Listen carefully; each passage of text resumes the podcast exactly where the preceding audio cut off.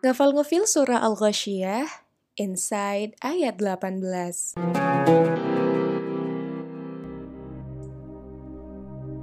Di ayat sebelumnya, kita udah coba renungin bareng-bareng salah satu ciptaan Allah yang begitu spesial, yaitu unta.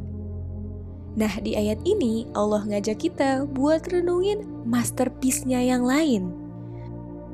Wa ilas sama kaifa rufi'at. Wa ilas sama dan langit kaifa rufi'at. Gimana ditinggiin? Jadi di sini Allah ngajak kita buat lebih merhatiin langit.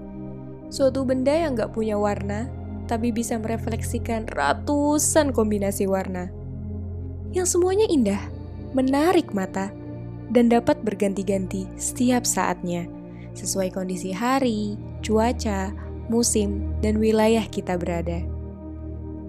Langit itu atap tertinggi tanpa tiang, dan atap terluas tanpa ujung. Bentangannya aja dapat menaungi seluruh manusia secara sempurna, di belahan bumi mana pun mereka berada. Karena ke mana pun kita pergi, mau ke hutan, ke laut, ke kutub, ke timur, ke barat, keliling dunia, orang dan situasi mungkin berubah. Tapi langit, ya itu-itu aja. Kita selalu berada di bawah langit yang sama. Dan kamu tahu, zaman demi zaman, kondisi langit itu tetap sama loh.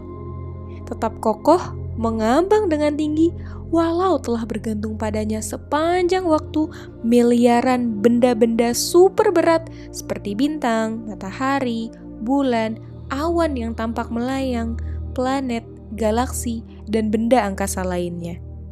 Seakan ia terjamin dari runtuhnya.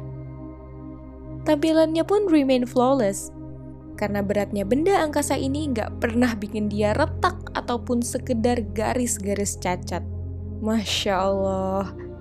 Coba bandingin dengan buatan kita. Misalnya rumah. Rumah dengan atap sekuat apa pun, kalau digantungin benda berat, mungkin lampu mewah yang dari kristal, tetap aja dijamin gak akan bisa bertahan lama sampai puluhan atau ratusan tahun. Pasti ada kalanya plafon itu rusak, melemah, dan runtuh karena gak kuat sama beban. Apalagi kalau atap itu gak dirawat setiap tahunnya.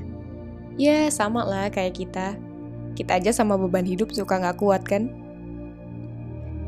Nah, dengan merenungkan langit ini, harusnya tuh kita bisa mikir, kalau ciptaannya aja setinggi, sebesar, dan sekokoh itu, terus apa kabar sang penciptanya? Kebayang nggak gimana Allah meninggikan, menahan, menjaga keseimbangan, dan ngerawat ciptaan yang satu ini, yang nggak cuma terbentang luas, tapi juga berjumlah sebanyak tujuh lapis. Kebayang?